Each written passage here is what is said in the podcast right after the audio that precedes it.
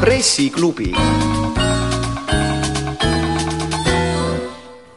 tere, head Kuku kuulajad, täna on seitsmes september, kell on mõni minut üks läbi ja eetris on Pressiklubi.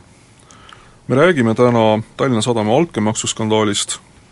ja samuti Postimehes äh, tõstetud süüdistustest, et Reformierakonna poliitikud on Vjatšeslav Leedo käest käinud raha küsimas selle eest, et pikendada tema parvlaevalepingut Mandri ja Saaremaa ja Hiiumaa vahel. meil on täna stuudios äh, kaks hästi informeeritud ajakirjanikku, nagu selle saate formaat ette näeb, Andres Reimer Postimehest tervist! ja Mikk Salu Eesti Ekspressist. tere! saatejuht siis äh, Lääne Elu peatoimetaja Andrus Karnau. et äh, kui nüüd asjadega alustada algusest, tuletame meelde eelmise nädala kolmapäeva, kus siis Postimehes ilmus suur lugu, mis rääkis sellest, et Reformierakonna poliitikud Remo Holsmer ja Kalev Lillo, Remo Holsmer siis Tallinna Sadama nõukogu esimees,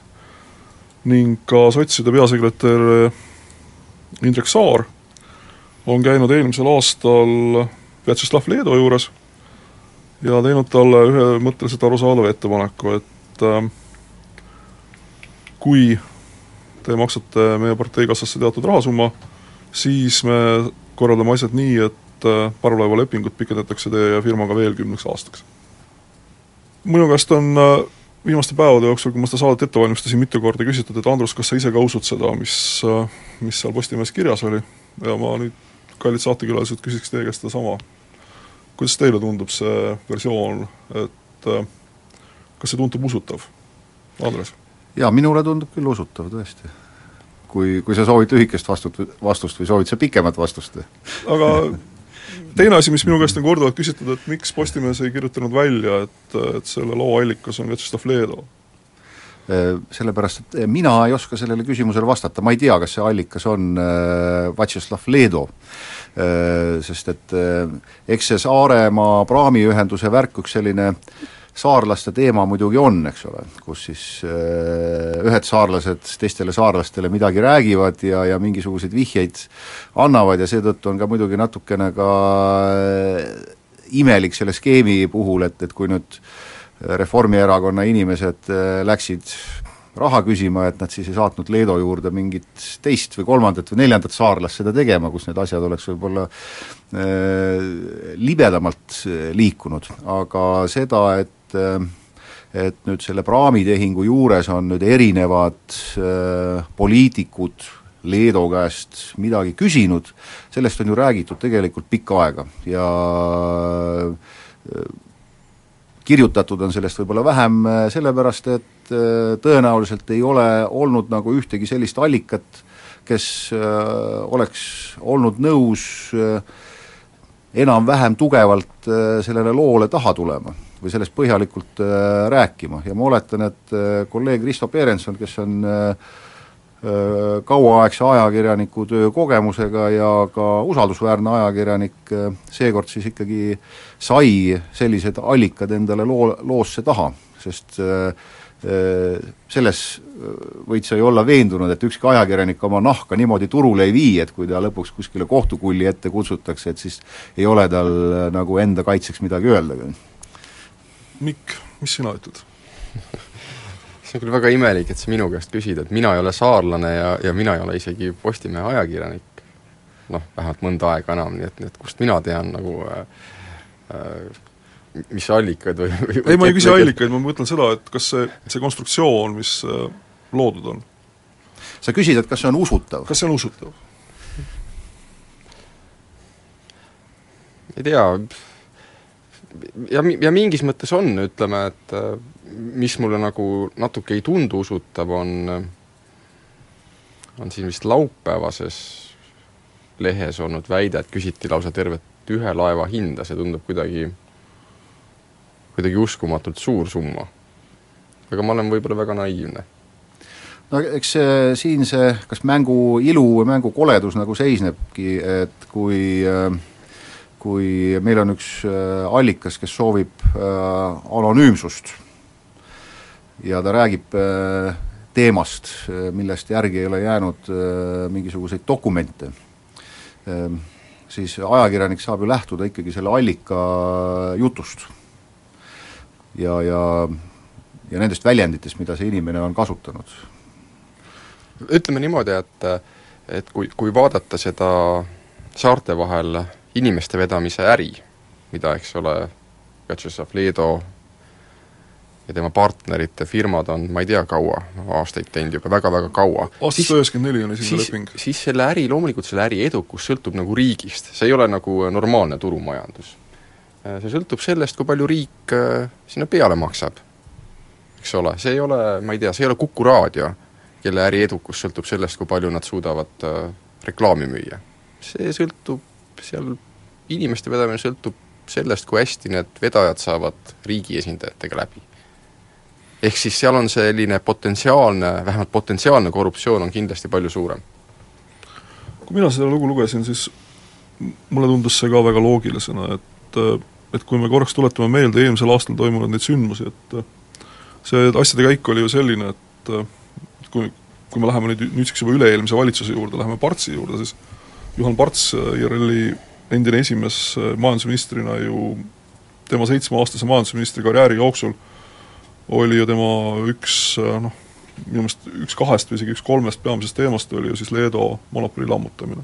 ta rääkis sellest, rääkis sellest, rääkis sellest, tema mudel, mida ta välja pakkus, oli siis see, et riik ostab ise parvlaevad ja leiab sinna siis erafirmast opereerija, kes hakkab nende parvlaevadega siis sõitma ja inimesi ja autosid vedama, nii. Siis toimus valitsuse vahetus, ametisse sai sots-, sotsiaaldemokraadist minister Urve Palo ja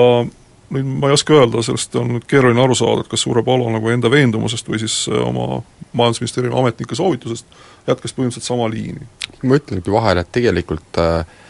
äh, see ei olnud lihtsalt ainult Partsis või Palos küsimus, vaid see oli ministeerium, ma olen nii paljude ametnikega rääkinud, nemad olid selle nagu plaani taga, nad olid seda aastaid arutanud, igasuguseid uuringuid tellinud, igat moodi nagu arvutanud, eks ole, ja neile tundus, et see ongi nagu mõistlik. no ma arvan, et siin äh selle ametnike arvutuste taga on ikkagi selline väga selge poliitiline tahe, sest et äh, ma millegipärast arvan, et seal äh, ministeeriumi ametnikud ei saa pikka aega mingisuguste arvutustega ja uuringutega tegeleda, ilma et äh, ministeeriumi juhtkond seda sooviks või ei täpselt, täpselt, täpselt, see oli ühelt poolt ja. nagu Partsi nagu mhm. tellimus, aga, aga ametnikud tulid sellele taha, nad ei teinud seda ja. vastumeelselt. ja, ja, ja see asi ei hakanud ka ju mitte Partsist peale, vaid hakkas Meelis Adonenist peale, kes juba aastaid varem öö, võttis eesmärgiks eh, mingisuguseid muutusi seal pra-, parvlaevaliikluses eh, läbi viia ja kuna ta sellise kirgliku ja emotsionaalse inimesena võttis selle asja tõsiselt kätte, aga ei suutnud lõpuni viia, siis siis on jäänud mulje, et see on olnud temaga ministriametist taandumise üks põhjusi juba enne Juhan Partsi. nii et see, see teema, et äh, üks konkreetne ärilõik, mis on sisuliselt nagu sarnaneb siis ütleme, maanteelõigule või või, või sillale ähm, Kuressaare ja Tallinna vahel, et, äh, et sinna on nagu kinnitatud üks, äh, üks ärimees, olenemata sellest, et ta on teinud seda äh, tööd hästi ja innuga, äh, selle miinus on olnud võib-olla see, et äh, need kulud on pidevalt kasvanud võib-olla suuremas tempos kui mingisuguse vaba konkurentsi või, või, või muude valikute puhul. ja see on ilmselt olnud nagu see põhjus, mikspärast siis riigieelarve paisumise pärast muretsevad riigiisad on siis tahtnud seda, seda kulu sealt vähemaks saada. aga kuulame siinkohal reklaami ja siis jätkame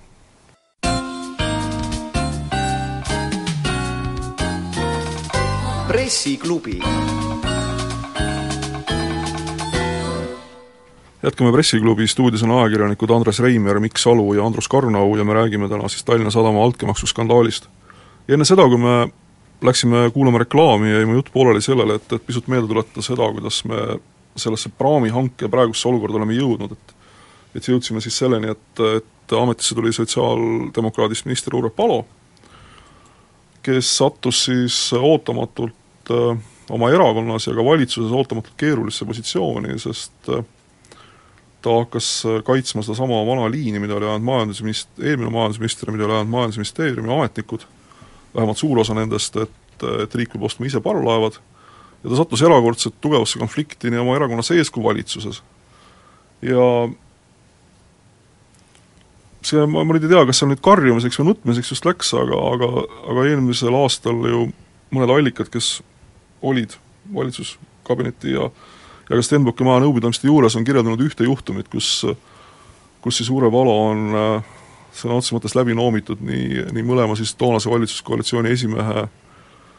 siis äh, Taavi Rõivase kui ka, kui ka Sven Mikseri poolt ja samuti on sellesse olnud tugevalt segatud äh, sotside peasekretär Indrek Saar, kes figureerib ka selles meie poolt saate esimeses veerandis räägitud,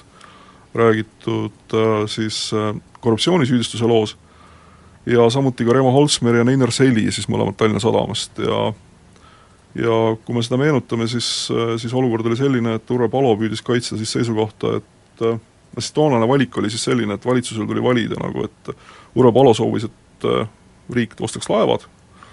aga siis need nimetatud kodanikud, kellest osad häälekamad, osad vaiksemalt, siis surusid ikkagi peale seisukohta, et riik peaks korraldama parvlaevakonkursi. siis praegune leping, mis Leedul on, lõpeb aastal kaks tuhat kuusteist, et oleks vaja korraldada uus kümneaastane konkurss. Ja kus see valiku nagu keerukuse punkt seisneb, siis seisneb selles, et et see oli enam-vähem ette teada, et juhul, kui kuulutatakse välja traditsiooniline konkurss, nii nagu see on olnud juba paaril korral, siis äh, Meelis Adoleni, juba viidatud Meelis Adoleni valitsemisaegade paiku, siis äh, on ju teada, et see ainus pakkuja, kes suudab pakkumist teha, oleks Vjatšeslav Leedo, ehk siis teisisõnu, avalikkus sai aru, et juhul, kui selline konkurss uuesti välja kuulutatakse, siis äh, siis äh, Leedu tuleb, teeb oma pakkumise ja saab oma lepingu, nii. mis siis toimus toona, toimus ju toona see, et Urve Palo vendi ümber, Andres, sina, ma mäletan, kirjutasid sellest hästi värvikalt, kuidas äh, Urve Palost on saanud üleöö siis Vjatšeslav Leedo hääletoru, kui ta hakkas samuti kaitsma siis selle konkursi korraldamist, mis nagu mina aru saan, ei olnud tema valik, vaid oli valitsuse poolt peale surutud valik. ja mis siis toimus, toimus ju see, et äh, see konkurss tuli, konkursil ootuspäraselt tuli üks pakkumine, ja siis hakkasid juhtuma imelikud asjad. ja kui nüüd seda kirjeldada, siis kui mu mälu mind ei peta, siis see olukord oli selline, et kõigepealt Leedu pakkumine lükati tagasi, siis korraldati uus hange ja siis hakkasid juhtuma imelikud asjad selles mõttes, et äkki Tallinna Sadam oli valmis ostma laevu, mida ta seni polnud te-, tahtnud teha, ja äkki oli ka valitsus üksmeelselt selle poolt, et riik võiks ise laevad ostma. ja kuni selle loo ilmumiseni eelmisel kolmapäeval mind salakesi nagu piinas ikkagi see küsimus, et ma ei näinud nagu loogikat. ma ei, ma ei, ma ei saanud aru nagu loogikast, miks valitsuse enamus pidi äkki ümber mõtlema, miks Tallinna Sadam oleks pidanud äkki ümber mõtlema ja kui, kui me siia vahele nüüd paneme selle asjaolu, et, et selle ümbermõtlemise põhjuseks oli soov või ühelt poolt kättemaks Leedole ja teiselt poolt siis kõikide nende uute lepingute sõlmimise võimalusega kaasnev võimalus sealt vahelt teenida, siis muutub minu jaoks kõik nagu loogiliseks. Põhimõtteliselt äh, sa viitad sellele, et, et et tollal äh, ütleme, käisid läbirääkimised kõigepealt Leedoga, et kui Leedo annab raha, siis Leedo saab lepingu, mingil põhjusel need läbirääkimised jäid katki, mindi tülli või mis iganes seal toimus, ja siis mindi Tallinna Sadamaga edasi. just. noh, ma mulle, mulle see variant tegelikult meeldib, mis sa esile tõid, sest et äh, see, selles sisaldub tõesti see loogiline seletus, kui panna kõik need toimunud või avalikuks saanud sündmused ja oletused kokku, et äh, need selles variandis tõesti äh, on. aga nüüd selle võib-olla nõrk koht on võib-olla see, et, et ma eeldan, et et ka nii hästi kui halvasti need koalitsioonis olevad erakonnad omavahel ka läbi saavad, et nad oma rahaasju omavahel tõenäoliselt ikkagi koordineerida ei, ei suuda ja ütleme, sellist kollektiivset vandenõu, et kui nüüd on, kõik on saanud nagu seda pöialt läbi esi, läbi teise ja kolmanda sõrme vaadata Leedu käest, et nad siis ütlevad, et nüüd me, Leedu ei andnud meile kellelegi raha, nüüd me võtame tal kõri pihku ja äri käest ära. seal on no üks asi veel, et, et ma olen ju ikkagi rääkinud väga paljude erinevate Reformierakonna liikmetega, IRL-i liikmetega, sotside liikmetega tollal, et noh, ei, ei, ei maksa arvata, et kõik erakonnad on niisugused noh, et nad on nagu mingid monoliidid, kus on ainult mingi üks seisukoht. igas selles erakonnas oli neid, kes arvasid, et Leedoga edasiminek ongi nagu kõige okeim, sest täpselt ei tea, kas tulevad mingid uued praamid või mingid riskid ja äkki mingi jama, et noh, ja siis on jälle mingid teised, kes nagu äh, tahtsid, et ikka peab nagu teistmoodi tegema ja noh, et, et et igal pool on nagu mingid nagu omad sellised sisemised kas vastuolud või vaidlused või koalitsioonid, et see ei ole noh, see ei ole nii, et, et kolm erakonda, kolm tinasõdurit noh, niimoodi täpselt nagu marsivad ühte takti, et ja mis puudutab nagu Palo äh, meelemuutust, et millest ma ka ise kirjutasin, et äh, et äh, tõenäoliselt võis selles minu arti-, artiklis sisalduda ka mingisugust sellist ülepakutud või või, või ebaõiglast hinnangut, sest tagantjärele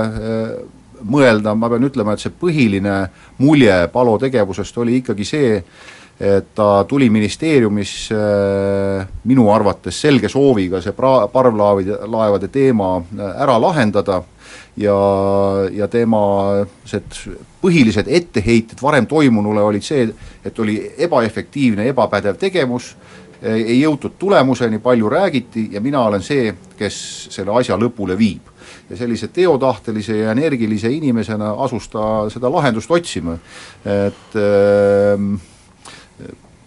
kui Kaitsepolitsei ei oleks kahel Tallinna Sadama juhatuse liikmel käsi raudu löönud ja kui siis kas Vjatšeslav Leedo või keegi tema lähikondsetest ei oleks äh, Postimehesse kaebama läinud, siis me tegelikult võiksimegi ju praegu öelda, et äh, Urve Palo sai sellega hakkama, millega Juhan Parts hakkama ei saanud. praegu ei ole mina kuulnud näiteks Tallinna Sadamalt, äh, prokuratuurilt või ka üheltki teiselt äh, asutuselt ühtegi sellist viidet selle kohta, et see parvlaevade tehing peaks nagu katki jääma. ja kui eelmisel nädalal Tallinna Sadama siis uued ajutised juhid koos nõukogu esindajaga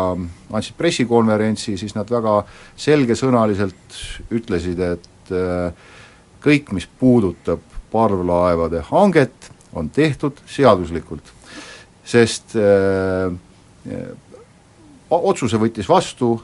Tallinna Sadama nõukogu ja korruptsioon toimus eraisikute vahel selle kõrvalt. Tere tulemast tagasi, head kuulajad, eetris on Pressiklubi, me räägime täna Tallinna Sadama altkäemaksuskandaalist ja samuti siis äh, Eesti riigiettevõtetest. meil on stuudios äh, palutud kaks hästi informeeritud ajakirjanikku, Andres Reimar Postimehest ja Mikk Salu Eesti Ekspressist ja mina, saatejuht Andrus Karnau. kui eelmise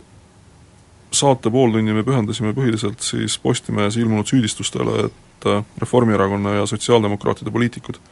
on küsinud Leedolt raha selle eest, et pikendada tema parvlaevalepingut, siis selle teema lõpetuseks ma tahaks korraks äh, küsida seda, et et kui kogu see uus leping või uus korraldus, mis saarte laevaliiklusega nüüd tuleb aastast kaks tuhat kuusteist, et äh, Tallinna Sadam korraldab seda kõike. Et kui selle uue korraldusega käib kaasas selline altkäemaksu võtmise ja poliitilise korruptsiooni vari kuni siis peaministrini välja, ehk siis väga kõrgel tasemel korruptsioonivari. et äh, mida selles olukorras nagu peaks nagu peale hakkama, sellepärast et ma saan aru, et osad inimesed on nüüd käed raudas, ootavad kohut, osad inimesed pääsevad, sest prokuratuur on ju öelnud, et ta ei hakka neid Postimehes ilmunud süüdistusi uurima, et et äh, aga ikkagi, kui ka aastal kaks tuhat kuusteist tulevad need äh, neli uut laeva, siis eluvad kümme aastat iga kord, kui me sinna laeva peale astume, siis iga kord üle selle rambi minnes, siis tuleb kohe meelde see, et keegi käis kusagil raha küsimas, et äh, öelge teie, et mida nüüd peale hakata, et kas me neelame selle häbi alla või me peaksime midagi, või peaks nagu valitsus selles olukorras midagi tegema, kuidagi teisiti korraldama, et sellest olukorrast välja tulla? mis häbi nagu, kuule, ma ei tea, kui ma läheks sinna praami peale ja tõesti süda valutaks, ma ei tea ma arvan, et elu läheb edasi, et noh, neid äh, laevu ehitatakse seal Poolas ja Türgis ja kui hästi läheb, siis nad saavad õigel ajal valmis ja hakkavad sõitma ja kõik sõltub ikkagi lõpuks sellest, et äh, kuivõrd hästi suudetakse see üleveoteenus äh, korraldada, et Vjatšeslav Leedol oli see väga hästi välja töötatud, see funktsioneeris suurepäraselt, inimesed olid äh, rahul, järjekordi ei olnud ja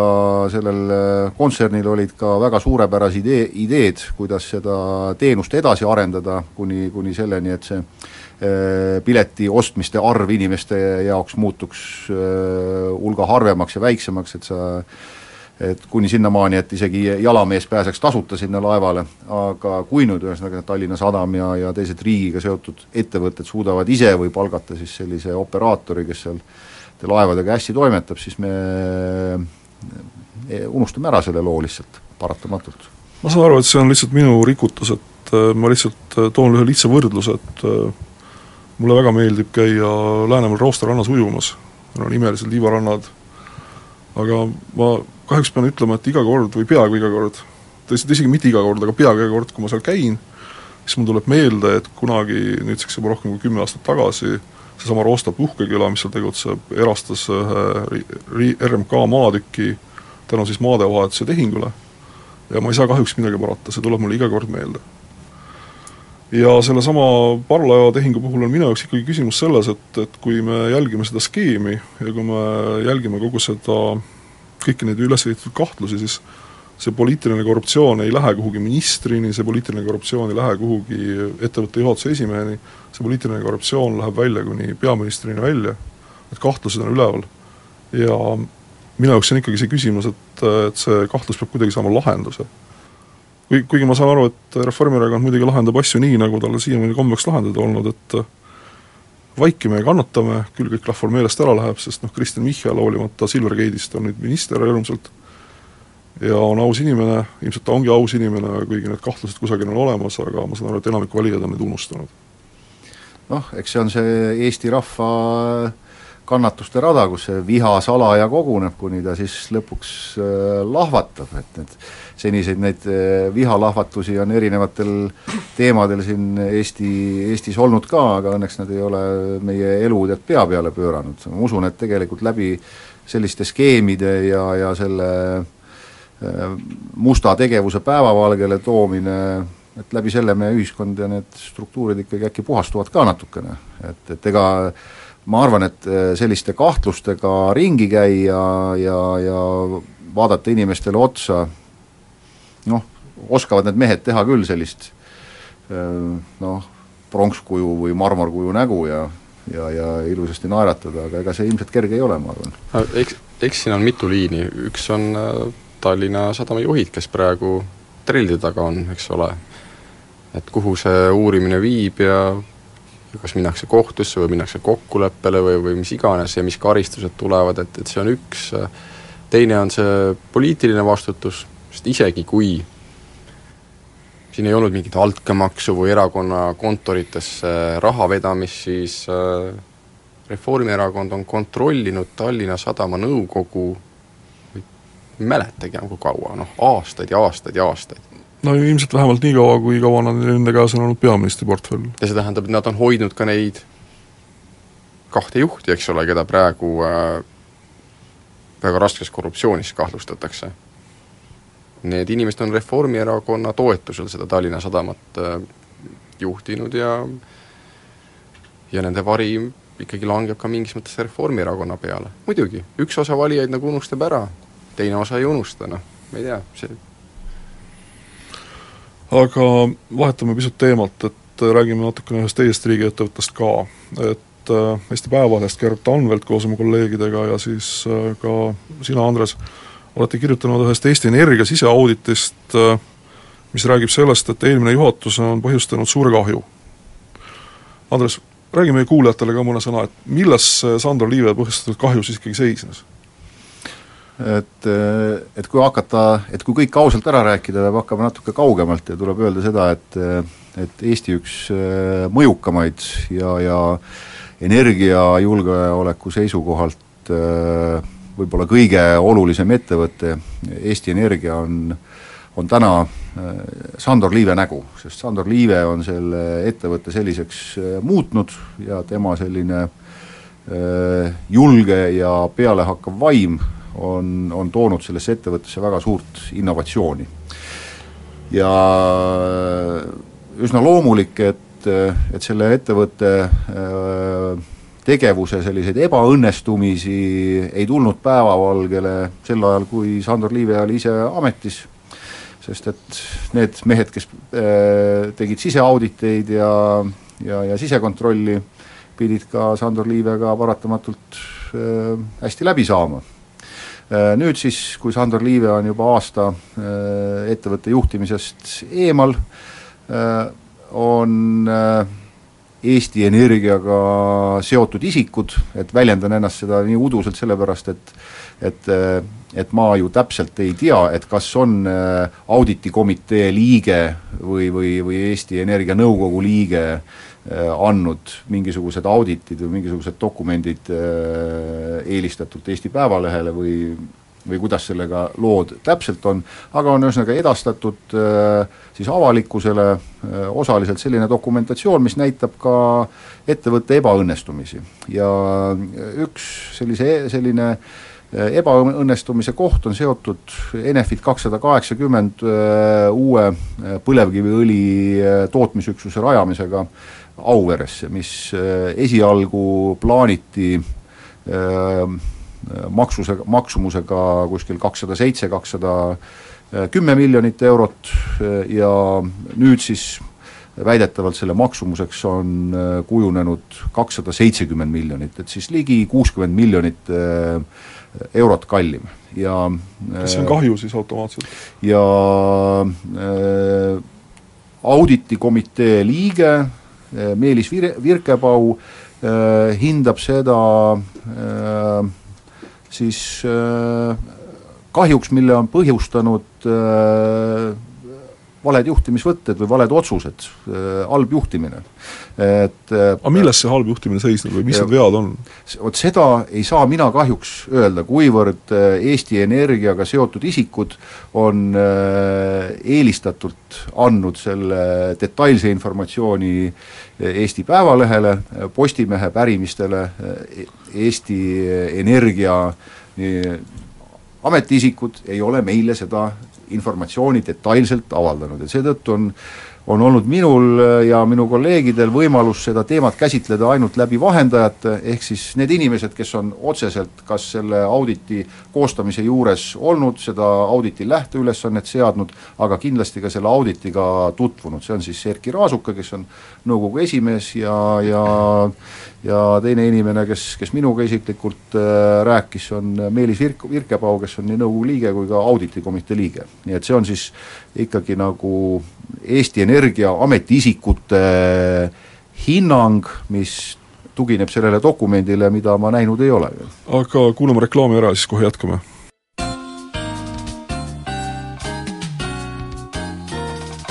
pressiklubi jätkame Pressiklubi stuudios on ajakirjanikud Andres Reimer, Mikk Salu ja Andrus Karnau. Mikk, mis sul on nüüd öelda selle suure kahju kohta, mis Eesti Energias on põhjustatud? mina kuulsin äh, nendest asjadest juba kevadel tehniliselt vist ei ole nende nii, ei ole tegelikult nende dokumentide nimi audit, vaid, vaid mingi, mingi auditikomitee memo, aga, aga see ei ole me neid näinud ei ole, siis me ei tea. aga, see polegi tähtis, ma kuulsin sellest juba kevadel, aga tollal teatud põhjustel Ekspress äh, jättis selle kirjutamata. see, et see nüüd eelmine nädal välja tuli, et noh, see on noh, ilmselge põhjus. see põhjus oli see, et teatud osa Reformierakonna liikmeid tahtis Tallinna Sadama pealt selle meedia tähelepanu või meedia tule ära võtta see õnnestus neil väga hästi. ja ütle, ja ega see, see, see ei muuda seda asja, et selles mõttes, et et meedia mõttes on see Eesti Energia ikkagi täiesti legitiimne teema, kuigi nagu noh, ajalehti kasutati ära antud juhul, et et ma ei oska öelda, kas on mingi kahju tekkinud, sest mina ei ole näinud neid pabereid, ma ei ole näinud neid arvutusi. Ma ei tea, kas need lekitamised, mis on toimunud, kas need on täies mahus või on kuidagi kontekstist välja rebitud või, või, või, või mida iganes eks ole. no see õlitehas äh, kaks ma küsisin äh, Sandor Liivelt, ma sain temaga reedel kokku, küsisin talt äh, noh, otse, et, et kas, et et tehas läks nüüd nii palju kallimaks, siis tema selgitus oli umbes selline, et see oligi esimest korda maailmas sellist tehast tehti, et see ongi loogiline, et see läheb kallimaks, kui alguses prognoositud. noh, detailidesse ta ei tahtnud minna, sest ta ütles, et ta ei ole ka näinud veel lõpuni kõiki neid äh, memosid või, või, või auditeid või arvutusi, et noh, täpsemalt ta ütles, et ta oli selle äsja just ise ka kätte saanud, et ta nüüd noh, vaatab, et mida siis minu kohta kirjutatakse, need olid umbes tema sõnad. ma mõtlen ka seda, et kui see tehas on eelarve on kakssada kümme miljonit eurot ja siis, kui kakssada kümme miljonit eurot on ära kulutatud ja siis on ikka midagi puudu veel, et kas siis nagu on mõtet nagu töö seisma jätta või ikkagi nagu lõpuni ehitada, lootes, et see kunagi tööle hakkab? no selge on see, et tuleb, tulebki lõpuni ehitada, sest kahju oleks suurem, kui pooleli jääks ja tegelikult nagu Mikk ütles, see ongi midagi väga ägedat ja, ja, ja, ja väga uut ma, ma ei tea, ma ei öelnud, et see on äge, ma tegelikult, ma, ma ei kiida heaks või ei laida maha selle, selle tehase ehitamist. mina ma... seda, mina kiidan seda näiteks väga heaks, sest äh, minu meelest see Eesti sellist äh, kuvandit kui ikkagi riik, kes suudab mingisugust tehnoloogiat luua ja arendada ja maailmaturule müüa, ikkagi väga oluliselt äh, mõjutab ja meid, meid toob ikkagi nii-öelda tehnoloogiariigina ikkagi maailmakaardile. aga olgem täpsed, ega seda tehnoloogiat ei ole Eesti veel kordagi müüdud noh, praegu on see müügiprotsess on, äh, on käsil, et äh, nendeks järgnevateks ostjateks äh, on võivad hiinlased. kujuneda hiinlased, et finantsiliselt lähedased nendele ringkondadele, kes on siis praegu ostmas Eesti Energia ja partnerite käest seda Jordaania põlevkiviprojekti, võivad osutuda siis äh, nendeks investoriteks, kes võivad seda oskusteavet äh, Hiinas rakendamiseks Eesti Energiat ostma hakata, nii et seetõttu on see, see, et see tehas äh, hakkaks lubatud võimsustel tööle, ülioluline ja ülioluline on ka see, et millise maksumusega see tehas tööle hakkab, et see on ju ikkagi finantsplaanide tegemisel saab see aluseks. aga tulles nüüd selle tehase juurest, püüdes leida nüüd üldistust selle kõige juures, et eelmisel nädalal kui see skandaal nüüd siin täies tuuris üleval oli, siis üks teine kõrvalteema, millega siis nii äh, IRL kui ka Reformierakond proovisid tähelepanu võita, on siis riigifirmade ümber, juhtimise ümberkorraldamine. ja selle ümberkorraldamise tuhinas äh, andis äh, Erkki Raasuk minu meelest ühe tähelepanuväärse intervjuu Äripäevale, kus ta ütles välja selle numbri, et tema arvutuste kohaselt riigifirmade ümberkorraldamine annaks säästu aastas seitsekümmend kuni sada miljonit eurot. ja see ei ole mitte ainult selline tavaline kontserni liitmise sünergia ja kokkuhoid, vaid ennekõike oleks küsimus siis äh, riigiettevõtete, ettevõtete investeeringutes. et äh, tegelikult ju noh, me räägime praegu siin mingist kahesaja kümnest ja kahesaja seitsmekümnest ja võimalikust juhtimisveast ja võimalik, et seal oligi mingi juhtimisviga ja sest seal on nagu kohtuasju pooleli seoses selle õlitehasega ja nii edasi, aga seesama Raasukese öeldu, et, et küsimus on riigiettevõtete investeeringutes. ehk siis üleinvesteerimises, liiga suurte plaanide tegemises, liiga kallite ostude tegemises. et äh, see toob meid nüüd ikkagi sellesama Eesti Energia puhul ka seesama vana küsimuseni, millest on Sandor Liive vaenlased rääkinud ju aastaid ja väga armastanud rääkida, rääkinud Ameerikast, rääkinud Jordaaniast, sellest samast õlitehasest, et, et need investeeringud on liiga suured, liiga kulukad, äh, sama me kuuleme Tallinna Sadama kohta, kui me räägime kas või ühest jäälõhkujast, Äh, edasi me võime edasi arutada samal teemal, et kas riigil on mõtet laevad välja osta või on mõtet neid äh, Leedo või Miili käest äh, aasta kaupa rentida mm, -hmm. et seesama investeeringute teema, seesama riigifirmade juhtimise teema, muuseas, Liive ise ei kahetse ühtegi neist investeeringutest, ainuke investeering, mida ta kahetseb, on Auvere elektrijaam. ta ütleb, et see oli riik poliitikud surusid peale, et see oli ülikallis ja üliriskantne projekt ja juba praegu noh, tema sõnul osad riskid realiseeruvad, näiteks liiga madal äh, nafta hind. põhimõtteliselt ütles, et, et Auvere ta, ta oli samal ajal äh, ka no ütleme, ta saab aru, et poliitikud räägivad sellest julgeolekust ja ja energiasõltumatusest, aga niimoodi puhta ettevõtte seisukohast oli see tema arvates väga kallis, väga riskantne ja vale otsus. ma arvan, et, et Sandor Liive puhul äh, oleks võib-olla liiga palju öelda, et, et, et tal on siin äh, elus või selles äris äh, mingisuguseid vaenlasi. et, et see, see mulje võis muidugi Eesti Energia mingisugustele Äh, inimestele tekkida, kuna nad tõesti otsustasid väga suuri rahasummasid, tegid olulisi asju, et, et iga kriitika või iga kahtlus nende tegevuse suhtes pärineb kuskilt äh, vaenlaste ringist. aga et, et, ka nende auditite käigus ja ka suheldes äh, uue Eesti Energia juhatuse esimehega, mis, mis on olnud nagu ikkagi täiesti avalik ja nii-öelda ametlik selgitus, on, on ikkagi selgunud ka selliseid äh, mõningaid suuremõõdulisi möödalaskmisi, et mis puudutab kas või näiteks sedasama Ameerika investeeringut, et et suure kergendusega ma kuulsin Meelis Virkepau käest sellist väidet, et et, et seda ettevõtmist ikkagi ei tule null väärtusega nii-öelda bilansis maha kanda, et, et Eesti Energial siiski õnnestus leida sellele Ameerika pro-, projektile mõnevõrra selline parem väljund, aga mis on ühesõnaga selle Ameerika projekti kõige suurem probleem, et see uus Enefit kakssada kaheksakümmend tehnoloogia on efektiivne seetõttu, et ta võimaldab põlevkiviõli, gaasi ja elektrit toota koos ja see muudab, see koostootmine muudab kõik need produktid konkurentsivõimeliseks. Aga seal Utah osariigis, mis asub kuskil keset tühermaad, ei ole seda ühte komponenti elektrienergiat mitte kellelegi müüa ja see, see, seetõttu ei ole see projekt õnnestunud sellisel moel, nagu nagu see esialgu paista lasti. rääkimata sellest, et minu meelest see tehnoloogia ka ei sobi sellele kivile seal, aga see on seal on see nüanss, eks ole, veel, et, et äh, minu teada ei ole ju Eesti Energial äh, isegi luba, neil on need maatükid, mis seal, mille äh, kuskil maapõues on siis see kivi, aga neil ei ole isegi luba seda vist välja kaevata praegu. Sest... kuigi noh, teistpidi võttes võib jälle öelda, et kui ühel hetkel see luba tuleb, siis nende maatükkide väärtus kohe ma ei tea, kolme-neljakordistub ja nad müüvadki lihtsalt selle maa nagu maha. Nii, meie saade on kahjuks läbi, et äh, me ei jõudnudki oma põhiküsimuseni selles saate teises pooles, et kas me peaksime riigiettevõtete juhtimise kuidagi ümber korraldama. Head kuulajad, stuudios olid ajakirjanikud Andres Reimer, Mikk Salu ja Andrus Karnau, tänan, et tulite, tänan, et kuulasite, see saade on korduses õhtul kell seitse Kuku raadio koduleheküljel igal ajal, elage hästi!